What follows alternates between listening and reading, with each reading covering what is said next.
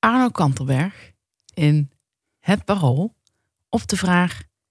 Ik durf het bijna niet te vragen, maar wat vindt men in uw geboortedorp Gemert allemaal van uw wijze raad? Of men daar mijn adviezen op volgt is een tweede. Op de eerste plaats komt mijn juf uit de eerste klas, juf Francine, met haar henna-rode haren. Zij kwam in de Gemertse boekwinkel naar de presentatie van mijn eerste stijlboek en zei dat ik er blij mee mocht zijn. Dat is toch de erkenning waarnaar een mens zoekt. Inspirerend. Deze week in. Willen we onze excuses aanbieden aan Utrecht? Werd Stef verraden door een hoofdredacteur? Maakte Janneke iets heftigs mee in de trein? Wil Stef uitleggen hoe je omgaat met verwijderde berichten op WhatsApp? Gelden er volgens Janneke regels bij het kijken naar films? En hebben we zoals altijd weer heerlijk warme boodschappen. Goede podcast is als therapie. Je kunt er al je shit kwijt. Wij, Stephanie Hogenberg en Janneke van der Horst, bespreken de heetste shit van de week en onze eigen shit. Zodat we samen met jullie weer een kilo lichter zijn. Een show door vrouwen voor mannen. Welkom bij aflevering 16. Alweer. Alweer, ja. Ongelooflijk. Ik vind het altijd wel een bijzonder getal, 16. Ja. Ja. Het is ook als je ziet waar we vandaan komen, van één. Ja. Dan, En dan heel die eh, rit naar 16. ja, een Ja. stijgende lijn. Ongelooflijk eigenlijk, als je het zo eventjes terugkijkt. Ja. Ehm, we zijn nu bij onze rubriek huishoudelijke mededelingen. Wij zagen de cijfers in Utrecht een beetje dalen. Dus de luistercijfers van onze show. Ja, dus eerst stonden ze onder Amsterdam. Ja, Ehm, nu staan ze vier plekken daaronder. ja. Dus eh, ze zijn gekelderd. Weggezakt. Dat is niet leuk. En ik, we denken ook wel dat we ongeveer weten hoe het komt, hè? Ik denk het ook wel, ja. Ja, we Dacht ik een toen al een beetje. paar afleveringen Kan wel eens geleden negatief voor ons uitpakken. hebben wij iets over Utrecht gezegd. Ja. Ehm, eh, dat wil ik enigszins rechtzetten. Dat wilde ik al, maar wij werden vanochtend geïnterviewd door iemand van de Volkskrant, Kidi Heeshakkers. En zij kwam binnen en ik zei, ze was helemaal verregend. Ik zeg, waar kwam je vandaan? En toen zei ze, uit Utrecht, die stad die jullie zo leuk vinden. Mhm. Ze zei het wel een beetje spottend. Het was niet als ze helemaal gepikeerd was. Ze kwam niet gepikeerd binnen. Toen zei ik, oh, daar wilden we nog iets over zeggen, want we zagen de luistercijfers dalen. Toen zei ze, ja, ze zei, mij maakt het allemaal niet uit, maar ik vind het wel jammer dat het dan iemand is uit Amsterdam die dat zegt over Utrecht. En dat Mhm. begreep ik wel. Want, kijk, ik wil even nog heel even uitleggen waarom ik Utrecht niet zo leuk vind. Dat is eigenlijk omdat ik nog nooit een leuke persoonlijke ervaring daar heb gehad. Dus ik heb bijvoorbeeld een keer een vreselijke date in Utrecht gehad, echt vreselijk. En ehm, meerdere eigenlijk. Eentje was prima. Diegene moet zich niet aangesproken voelen. Er was één date, die was echt vreselijk. Niet leuk. Nee. Ehm, daarnaast heb ik in Utrecht niks meegemaakt waardoor die stad van mij kleur heeft gekregen. Ja, ik heb natuurlijk... eh, ja, ik ben natuurlijk afgewezen bij de Toneelacademie. toneelacademie. Je weet, mensen die afgewezen worden voor een kunstacademie. Die nemen dat zeer persoonlijk. Ja, dat draag je wel even mee. Ja. Dus, dus dat, is, dat is eigenlijk wat, wat Utrecht voor ons betekent. Ja. En dan gaan we een beetje spotten met Omoda en met Weekamp. Bliableu en UWSV. maar zo, zo bedoelen we het eigenlijk niet. Nee. Maar even om de mensen in Utrecht een hart onder de riem te steken. Ik vind Den Haag veel erger. Ik denk dat dit eh, mensen in Utrecht best wel goed zal doen. Fijn, fijn om jullie er weer bij te hebben.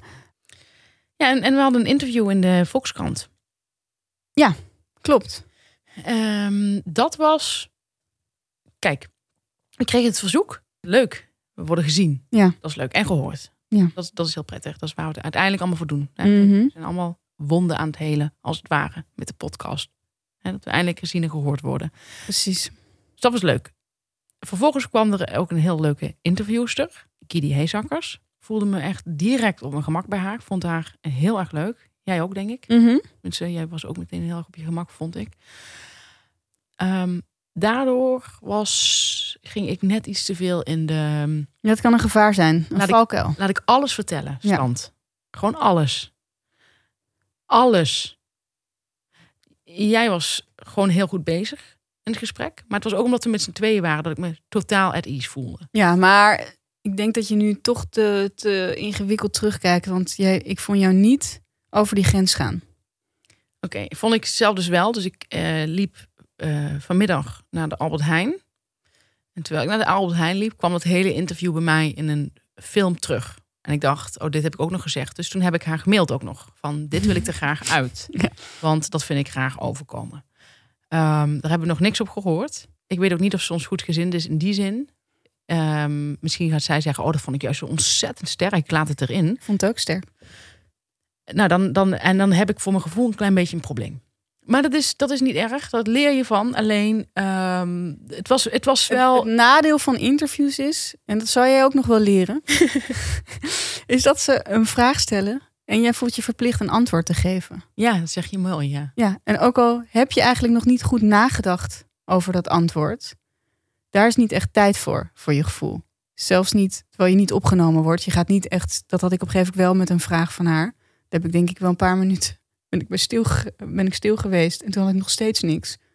Toen ging ik ook uiteindelijk maar wat zeggen. Is, eh, is op mij ook weer niet zo overgekomen. Totaal niet. En ik vind ook, als je heel lang stil bent, vind ik juist een teken van intelligentie. ik heb voor mijn gevoel gewoon zitten bazelen. Gewoon lullen. Gewoon blij dat iemand vragen stelt. Ja, maar hoe fijn is dat voor de interviewer? En je zei eh, leuke dingen. Ik denk dat we even moeten afwachten hoe dat interview eruit ziet. Dat sowieso. En dan ehm, kunnen we het altijd nog wel of niet delen via onze social media. Precies. Het komt binnen nu een, eh, een week uit. En we weten ook nog niet precies wanneer. In het V-katern van Volkskrant. Dus nou, moeten jullie ook maar zelf. Jullie moeten soms ook zelf even een beetje Misschien kijken. moeten we, wat ik, waar ik het meeste last van heb gehad, zijn toch de foto's. Dat was heel heftig. Ja, dat was heel heftig. Ja, we begonnen gewoon best Leuke wel... fotograaf ook. Heel leuke fotograaf. Ja, Erik Smits. Eh, zag er ook goed uit. En ehm, Brabander, altijd goed. heel leuk. Ehm, alleen Erik gaf ook op een gegeven moment toe dat hij het niet echt goed wist meer met ons. We waren Ja. hyperbewust, dat zei hij. Eh, Dat, dat voelden we zelf ook wel. Het is niet dat we zeiden van, hey, Erik, wat zeg jij nou? Nee, we voelden ons ook hyperbewust. Ik wilde niet lachend erop. Jij wilde niet met je zijkant erop. Ik wilde niet met mijn linkerflank erop. Het was ontzettend veel werk voor Erik. En we ik hebben... zei op een gegeven ogenblik dat ik moe was. Toen zei hij, nou, jij denkt dat je moe bent, maar ik ben bek af. En op een gegeven moment hebben wij een microfoon vastgehouden op een manier waar veel mannen van dromen. Ja. En eh, dat is waarschijnlijk uiteindelijk de foto geworden, omdat het op andere manieren niet lukte. We moesten echt iets vasthouden. en het is zo erg. Ik begreep ook eens ook waarom mensen in vijver staan bij foto's. Ja, ik dacht altijd, waarom ga je dat doen? Maar dat is, daar zijn natuurlijk uren aan vooraf gegaan. behoorlijk shit. Eh, het is niet alleen maar glamour. Alleen als het dan straks, als dat interview erin staat en mensen zeggen: God, wat zeggen jullie toch leuke dingen? Dan zijn wij dus ook weer, want we zijn helemaal niet nuchter. Dat moeten mensen misschien van ons weten. Wij zijn helemaal niet nuchter. De roem stijgt ons razendsnel naar het hoofd. En dat is voor Ja. alvast te zeggen. Nou, van eh, shit van de dag naar de shit. shit van de week. Shit van de week. Oké, ik heb. eh, ik heb heel serieuze shit. Oké. Ik heb het zelfs even nagedacht, moet ik het wel vertellen, omdat het, eh, het is totaal niet grappig. Nou, maar dat hoeft ook niet. Hoeft ook niet. Het zit zo. Ik moet even een aanloop nemen. Ik hoop dat de mensen even goed zitten. Ik moet even een aanloop nemen. Ehm, het zit zo.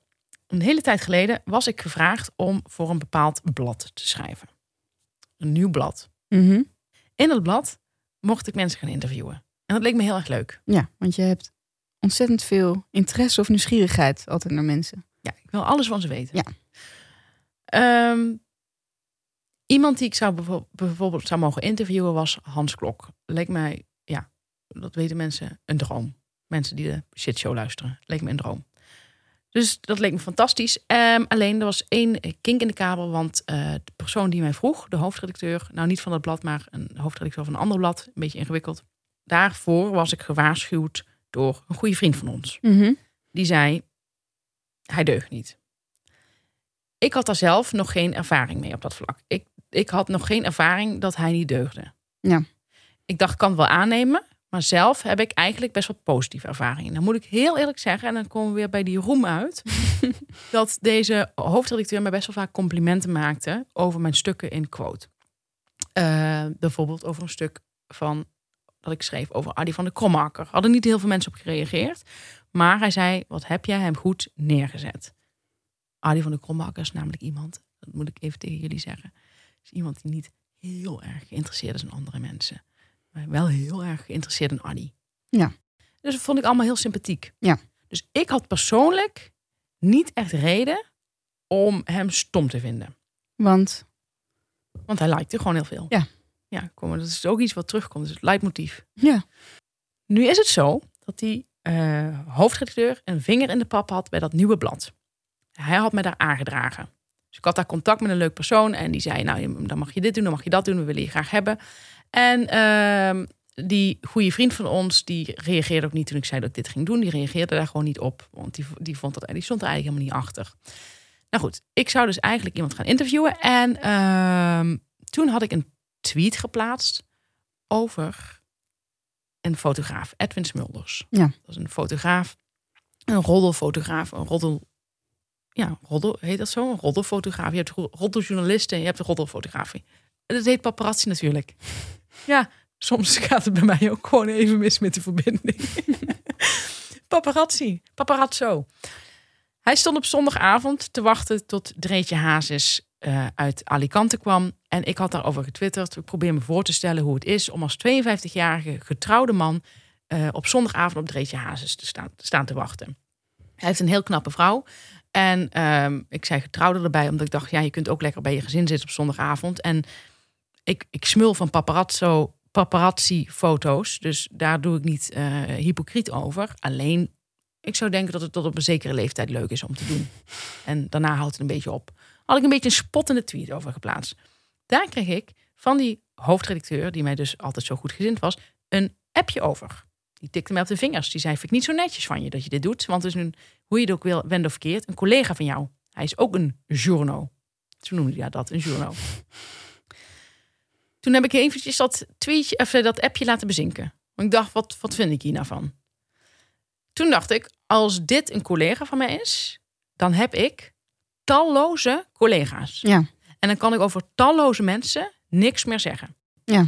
Dus ik dacht, ik ga terugsturen dat ik het er niet mee eens ben. Dus ik zei, nou, ik zeg, ik eh, ben het er niet mee eens. En ehm, ik weet dan ook niet of ik voor jou blad moet schrijven. Want ik vind dat ik dit moet kunnen doen. Toen stuurde hij terug, ik zeg alleen maar, ik vind het niet netjes. Eh, ik hou van loyaliteit. En ehm, noem het een, eh, noem het een, een ik, ik hou van fatsoen, had hij geschreven. Ik hou van fatsoen. En toen stuurde ik, ehm, dan ben ik bang dat ik de opdracht moet laten gaan. En dan kan ik niet voor jullie blad schrijven, want ik wil me niet beperkt voelen hierin. Ja. Dus dan houdt het op. Toen stuurde hij terug, jammer, ik blijf je volgen, want ik ben fan. Ehm, even goede vrienden.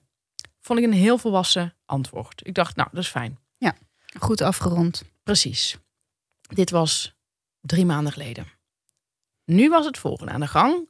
Ik heb op eh, Twitter had ik weer iets gedeeld. En ehm, ik had gedeeld dat Jan Smit over zijn vrouw zei.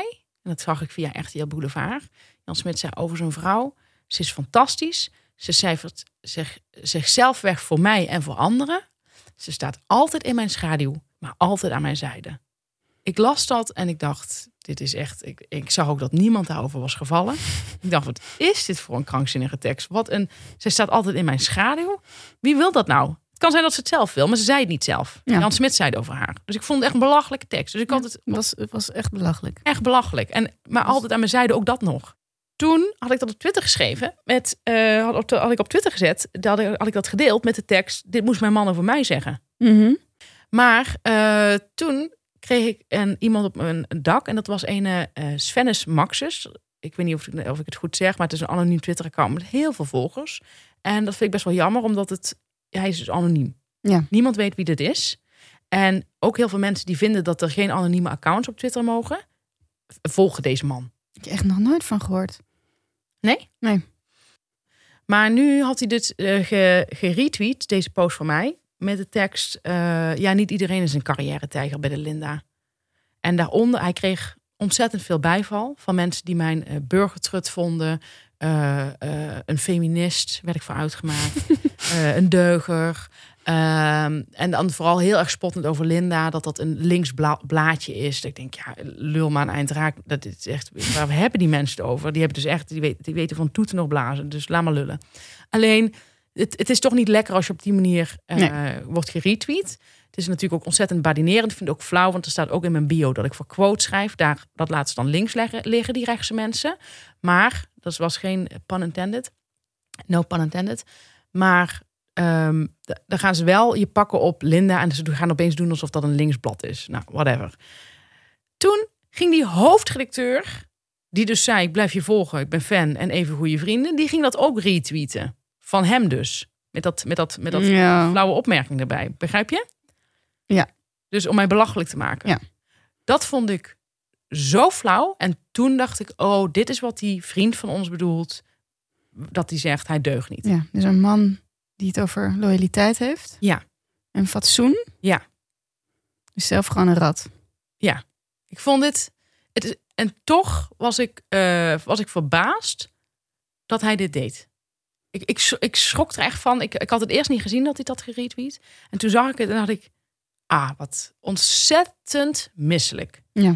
Dus dat was dat. En eh, wat er ook nog was, is dat mijn profielfoto uiteindelijk werd gedeeld door iemand. Ehm, ik wil zijn naam niet zeggen, want ik heb geen zin in eh, gedoe. Maar een hele nare vent. En die deelde mijn profielfoto. En die, dat voelde echt wel heel onveilig. En die zei daar heel lelijke dingen over. Echt, echt, eh, echt beledigende dingen.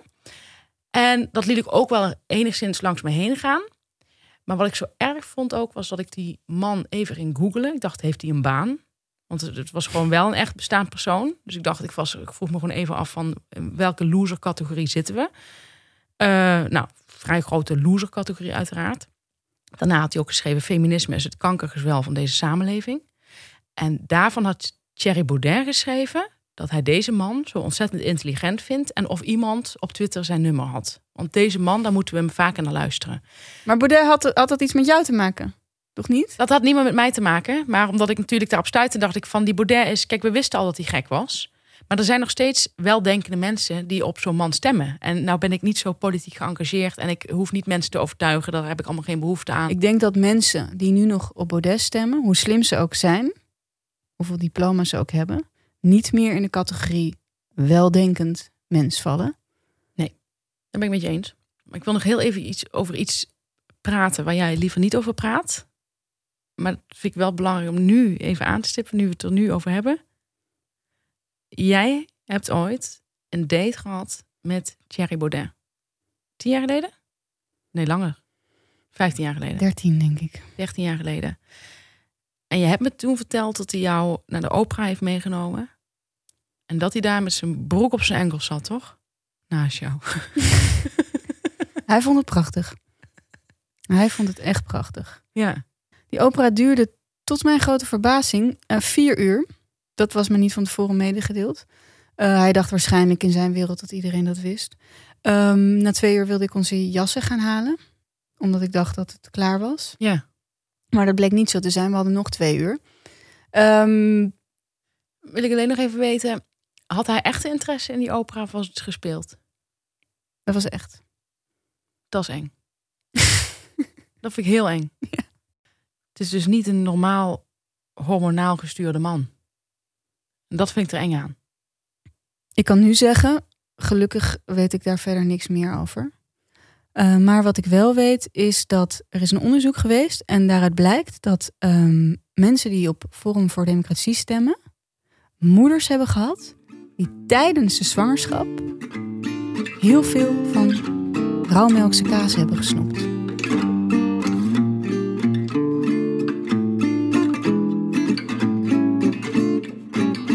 Wat was jouw shit, Jannie? Mijn shit was, ehm, ik moest van de week, nou dat was natuurlijk een eigen keuze, maar ik ging met het openbaar vervoer. Ik ging met de trein. Ik had geluncht met een goede vriend en daarna ging ik met de trein terug. En wat me daar gebeurde, daar wil ik jouw mening, het liefst ook misschien eigenlijk van, van onze luisteraars, maar die zijn er nu niet direct bij, maar gewoon de mening van andere mensen, wil ik graag horen. Want ik ging in die trein zitten, die trein stond er al. Ik ging lekker zitten. En wat gebeurde er? Er kwam iemand naast mij zitten. Ja, dat had ik dus ook. En ik wist niet wat ik moest doen. Ik wist niet wat ik moest doen. En er was voor de rest was er gewoon genoeg plek. Nee, dat niet. Ik wist niet, ik wist niet wat ik moest doen. Moest ik er iets van zeggen? Ehm, had ik moeten zeggen, daar is genoeg plek om te staan. Ehm, ik, ik wist niet zo goed wat ik moest doen. Ik vond dat een van de meest prettige dingen van de anderhalve meter samenleving. En ik kan zeggen, eh, daar zat geen anderhalve meter tussen. En was het een man? Het was een vrouw met een babytje. Gadverdamme. Ja, dat vond ik ook heel vervelend. Want ik dacht, niemand doet dit. Maar mensen dan met een babytje denken dat ze dan het recht hebben om te gaan zitten. Want ik heb een baby. Dat is een heel klein babytje. Woog minder dan mijn tas, denk ik. Baby privilege. Ja. Doe me niet aan. Precies. Ehm vrouw zag er niet moe uit. Was ook een jonge vrouw. Ik denk, ik gokte er 26 of zo. Ik had echt nog hartstikke jonge benen. Ik kon hartstikke goed met die baby daar eventjes in het hoekje staan. Ja, ik vond het vervelend. Ze keek het eh, best wel blij. Was het een couveuse kindje? Ja, ik denk het wel. Ik, ik, denk, ik denk dat ze net uit het ziekenhuis kwam. Ja, dat kun je makkelijk staan. Ja, dat weegt niks, hè? Maar goed, ik, ik vroeg me gewoon af... ehm, wat zou jij in zo'n situatie gedaan hebben? Ik zou hebben gezegd, geef mij jouw babytje. En ga jij even ergens anders staan. Oh ja, Dat lijkt mij een beetje de veiligste situatie op zo'n Ja. op zo'n moment. ik ben dat helemaal niet meer gewend... dat er iemand zo naast me gaat zitten die ik niet ken. Nee, dit is, dat is schrikken, ja. Dat snap Mm. ik wel. Ja, Echt wel, eh daar worden grenzen overgegaan. En dat is, dat is niet fijn. nee. We zijn nu alweer aangekomen bij onze favoriete rubriek van de week. Dat is App van de Week. Die hebben we deze week niet. Ja, er is niks ingestuurd. Dus ik, ik denk dat mannen vrouwen steeds beter gaan begrijpen door onze show. Ja, en mocht het toch niet zo zijn... of mocht je dit horen en denken... hé, hey, ik had eigenlijk nog wel een appje. Stuur hem op. Ja. weet behandelen we hem volgende keer. Het kan ook binnen je relatie zijn. Hè? Het hoeft niet alleen maar scharrels te zijn, Nee. dates. Eh, het kan ook binnen je relatie zijn. Er zijn ook heel veel miscommunicaties. Heel veel misverstanden, ja. Ja, vaak eh, in relaties. Ja, En wij zeggen dan altijd eerlijkheid is alles wat je hebt. ja. Dus, dus blijf het sturen. Had jij nog een eh, ergernis? Eh, Ik heb een eh, ergernis, die is vrij kort. En dat is mensen die als jij op WhatsApp een bericht hebt verwijderd. En dan staat er zo, dit bericht is verwijderd. Mhm. Gaan vragen aan jou, wat stond daar? Dat vind ik een partij irritant, van heb ik jou daar. Ja. Accepteer het. Iemand zei iets, trok het Heeft toen er terug. spijt van, om wat voor reden dan ook. Precies. Maar je gaat niet vragen, wat stond daar? Ja. Wat wel vervelend kan zijn, dat heb ik één keer meegemaakt, is dat ik het in het voorscherm zag, wat er stond, op de voorvertoning. Ja. En toen kwam ik op WhatsApp en toen was het weggehaald. En dat had jouw interesse. En dat mijn interesse. Dus dat, dat was niet zo leuk. Ehm, maar toen heb ik eerlijk toegegeven, ik heb de voorvertoning gelezen. En ik zou dit graag willen. En ik zie nu dat je hebt weggehaald. Maar soms, ja, dan zijn er gewoon berichten verwijderd. Ehm, en dan denk ik, laat het gewoon gaan. Ja, vaak is het iets ook... Oh, dat doen niet meer te zaken, bijvoorbeeld. Precies. Of er staat een spelfout in. Ja. Dus ik, ik vraag het eigenlijk nooit. Wat stond daar? Ik ook niet. Vraag ik nooit. Maar mensen vragen het wel bij mij. Dus als ik iets weghaal, vragen mensen altijd wat stond daar. En ik bedwing mijn nieuwsgierigheid gewoon.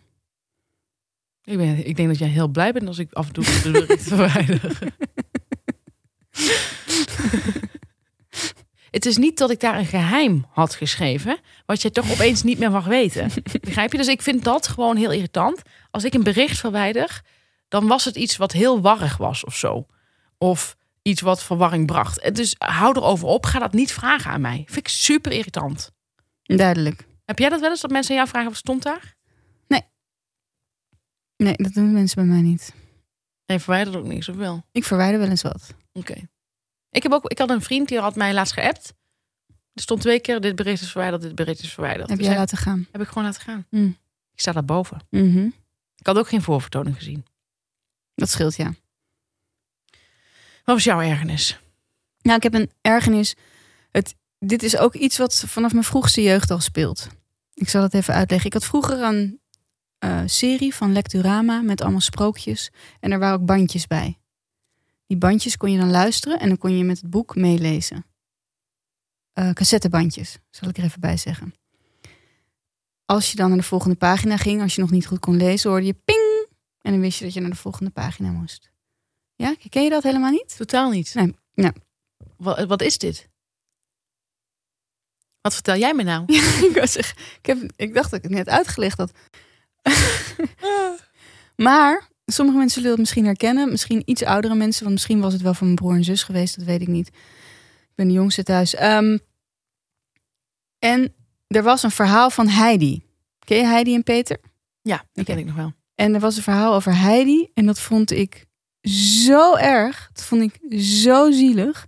Daar moest ik zo vreselijk om huilen altijd. Want dan ging ze bij de opa wonen, omdat de ouders dus niet meer leefden. Een hele Norse man. Nou, iedereen kent het verhaal denk ik wel. Maar uiteindelijk wint zij hem helemaal voor zich. En dan moet ze alsnog weg bij hem. Haar enige familielid. En dan zit ze in de trein en dan hoor je dus die voorleesstem zeggen. Die doet dan Heidi na en die zegt dan... Grootvader, grootvader. En dan moet Heidi ontzettend huilen. En dan moest ik altijd keihard huilen. Mhm. Dat gebeurde. Vond ik zo vreselijk.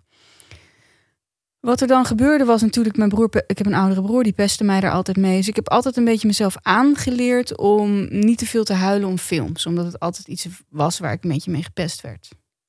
Mhm. Nu ben ik wat ouder. En wat meer mezelf gaan accepteren. En nu denk ik, als ik wel eens in de bioscoop zit. En er gebeurt iets heel, heel vreselijk zieligs. Vind ik het zo vervelend als mensen daar niet om huilen. Zeker weten. Of je bent met vrienden. En vroeger ging ik dat dan inhouden. Maar dat, dat, dat doe ik natuurlijk niet meer. En je kijkt een film. Nee. En je kijkt op. En zij kijken vrij stoïcijns naar dat scherm. Ja, heb ik, heb ik eigenlijk altijd dit. Mijn Wat- vader heeft dit ook. Die zei, ik zei op een gegeven moment, ga je mee die film kijken? Hij zei, ik kijk geen films. Want hij was altijd bang dat hij moest huilen. Ja. Die is er ook ooit mee gepest dan, denk ik. Maar ben je er echt mee gepest? Ja? God. Je hebt geen broers en zussen, maar dat is echt... Dat kan ook veel eh, leed veroorzaken. Ja, het irriteert mij ook als mensen niet huilen.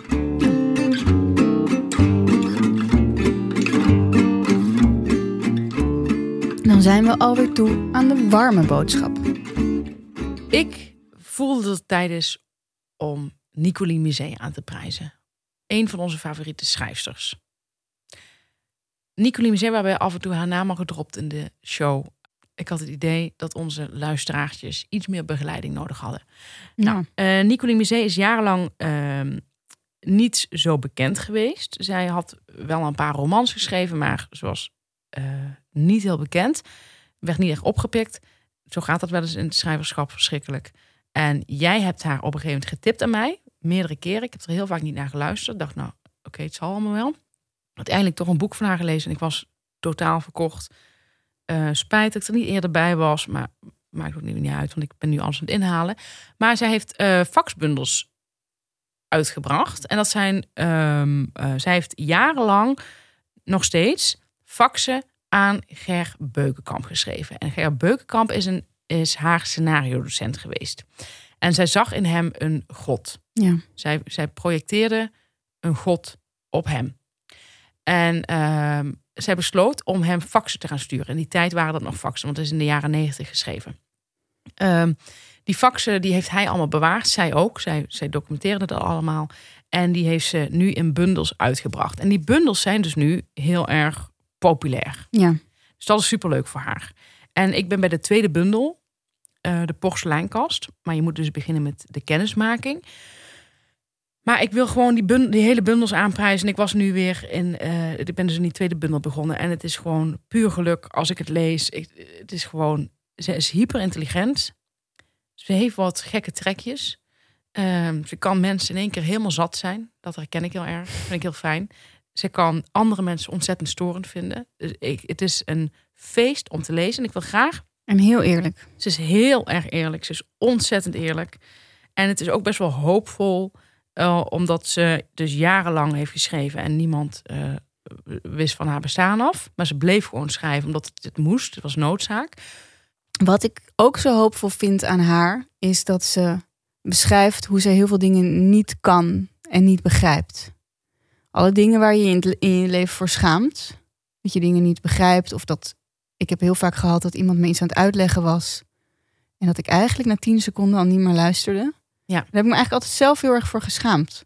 Ja. Omdat ik dacht dat er dan iets mis was met mij. Dat ik ja, dat dan niet begreep of zo. Maar dan gingen mijn gedachten alweer ergens anders heen. Ik heb ook op een kantoor gewerkt waar ik eigenlijk de meest simpele klussen ontzettend ingewikkeld vond. Ik heb precies hetzelfde gehad. En Nicolie Misé heeft mij daar heel erg mee geholpen.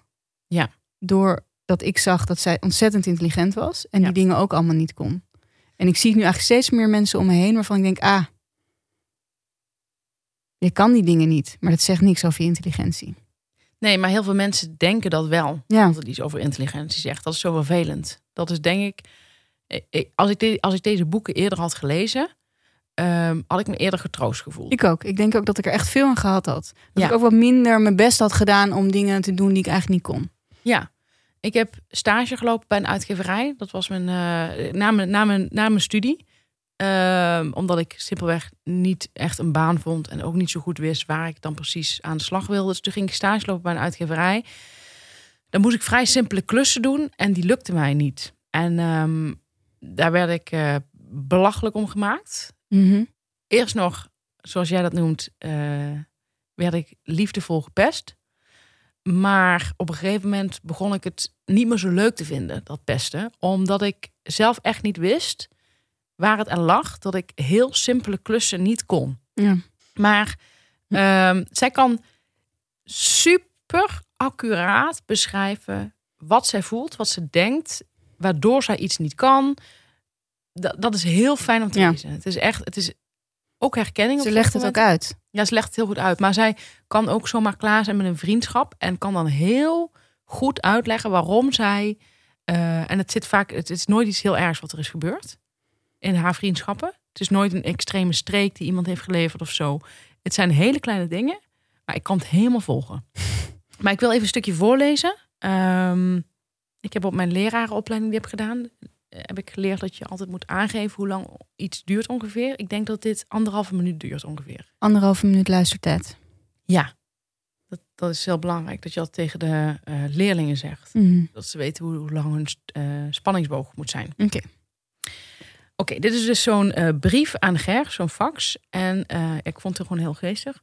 Klein stukje. Lieve Ger, ik ben hier nu een paar dagen en het bevalt me weer bijzonder.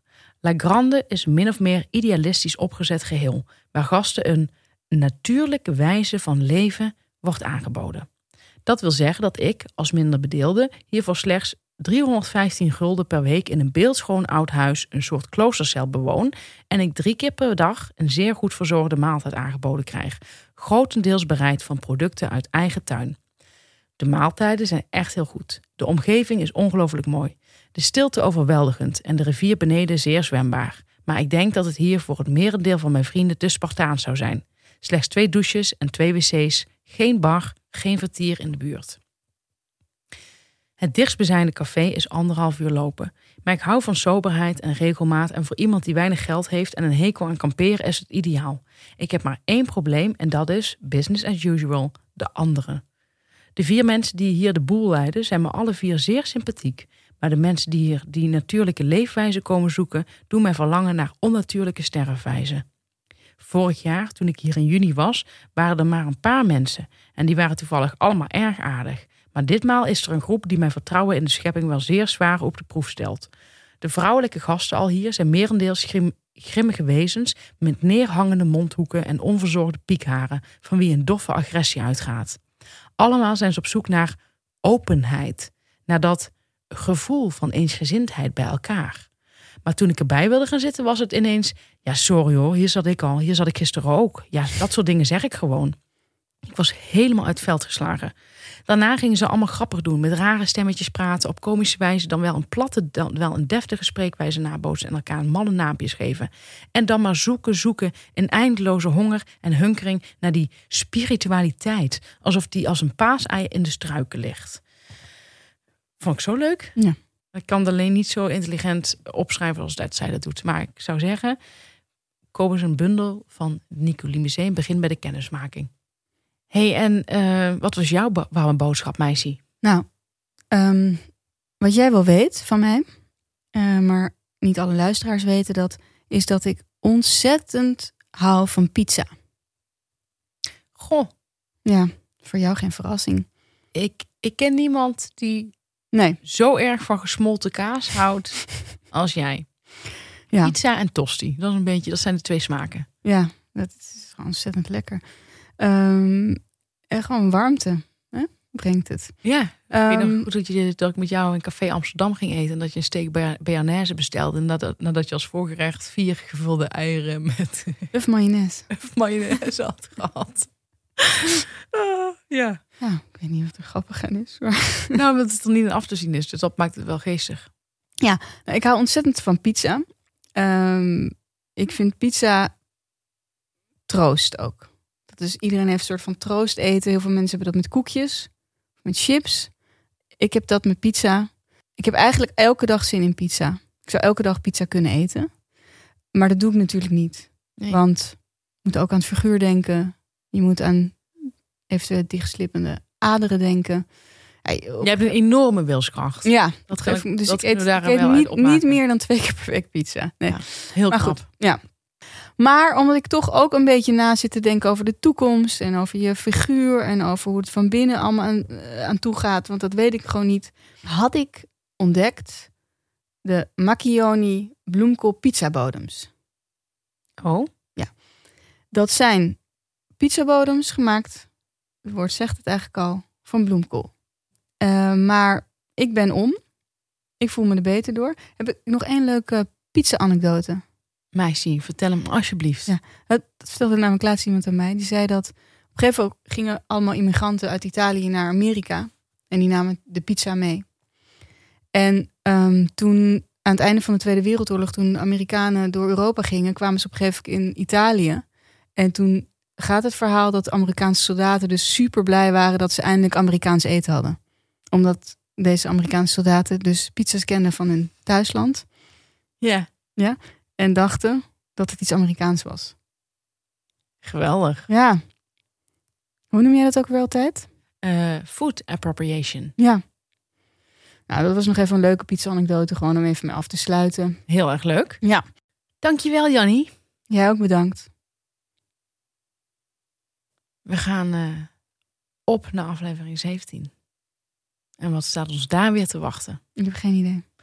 Ehm, mochten er nu mensen luisteren en zoiets hebben van... hé, hey, maar ik heb alle afleveringen geluisterd... en ik zou wel wat extra materiaal kunnen gebruiken... en ik heb al die andere keren niet opgelet...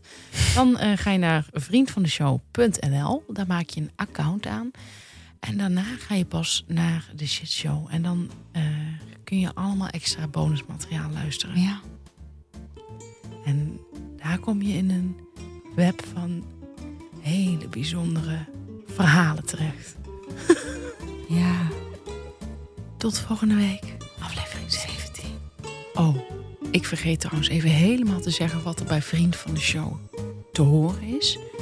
Wij bellen met niemand minder dan Royston Drenthe.